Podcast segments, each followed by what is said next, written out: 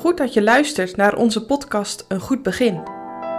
Deze zes weken staan we stil bij verschillende thema's rond christelijk leven. Deze week is het thema Leven met het zicht op de hemel door Dirk-Jan Nijsink. Ik lees Openbaring 21, vers 1 tot en met 4. En ik zag een nieuwe hemel en een nieuwe aarde. Want de eerste hemel en de eerste aarde was voorbij gegaan en de zee was niet meer.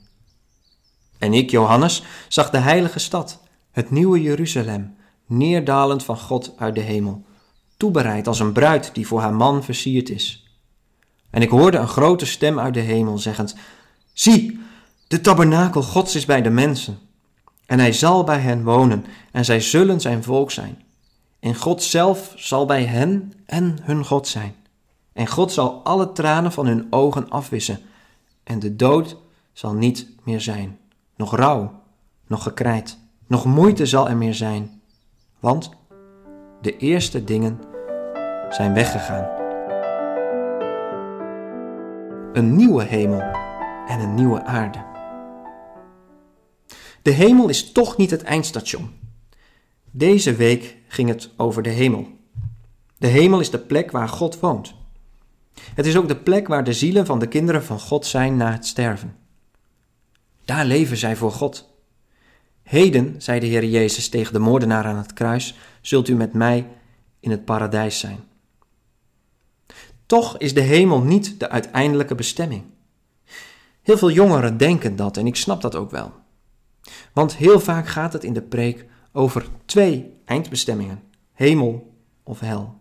Er zijn twee wegen: een brede weg tot het verderf en een smalle weg tot het leven.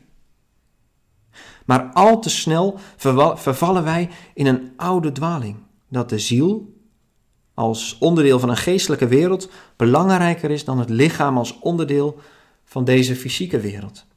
En voor je het weet, heb je een onderverdeling gemaakt tussen geest en materie die niet bijbels is. Jezus Christus is Gods enige geboren zoon. Hij is met de Vader en met de Heilige Geest God.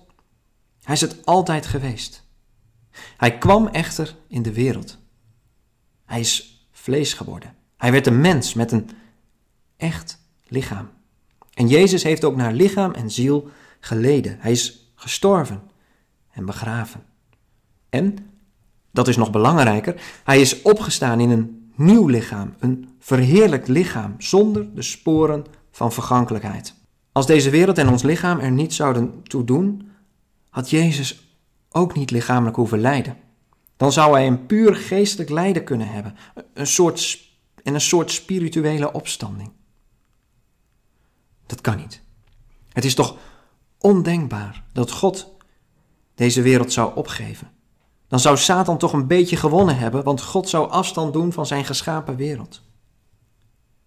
God heeft zijn zoon gezonden tot een zaligmaker van de wereld. Zijn helswerk strekt zich oneindig ver uit over Gods schepping. In Christus is er sprake van herschepping. Door de kracht van Christus worden mensen bekeerd. Ze worden wederom geboren. Ze krijgen een nieuw hart in een oud lichaam. Maar eenmaal als de Heer Jezus terugkomt, krijgen alle gelovigen ook een nieuw lichaam dat gelijk is aan dat van Christus. Paulus vergelijkt dat in 1 Korinthe 15 met een beeld uit de natuur. Zaadjes gaan de grond in, daar sterven ze. Maar uit dat sterven komt een halm omhoog. En die is nog heerlijker dan dat ene zaadje. Zo is ook de opstanding uit de doden. Er komt een nieuwe hemel en een nieuwe aarde.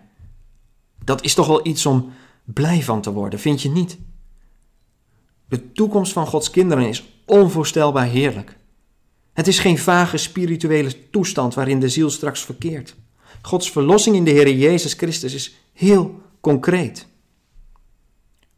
Hoe het precies zal zijn, dat is nog niet bekendgemaakt. Maar wat Openbaring 21 beschrijft, is wel een heerlijk en blij vooruitzicht. En daar mag je het mee doen. Sluit je ogen echter ook niet voor de andere kant. Er is ook een opstanding tot de eeuwige dood, een vreselijke werkelijkheid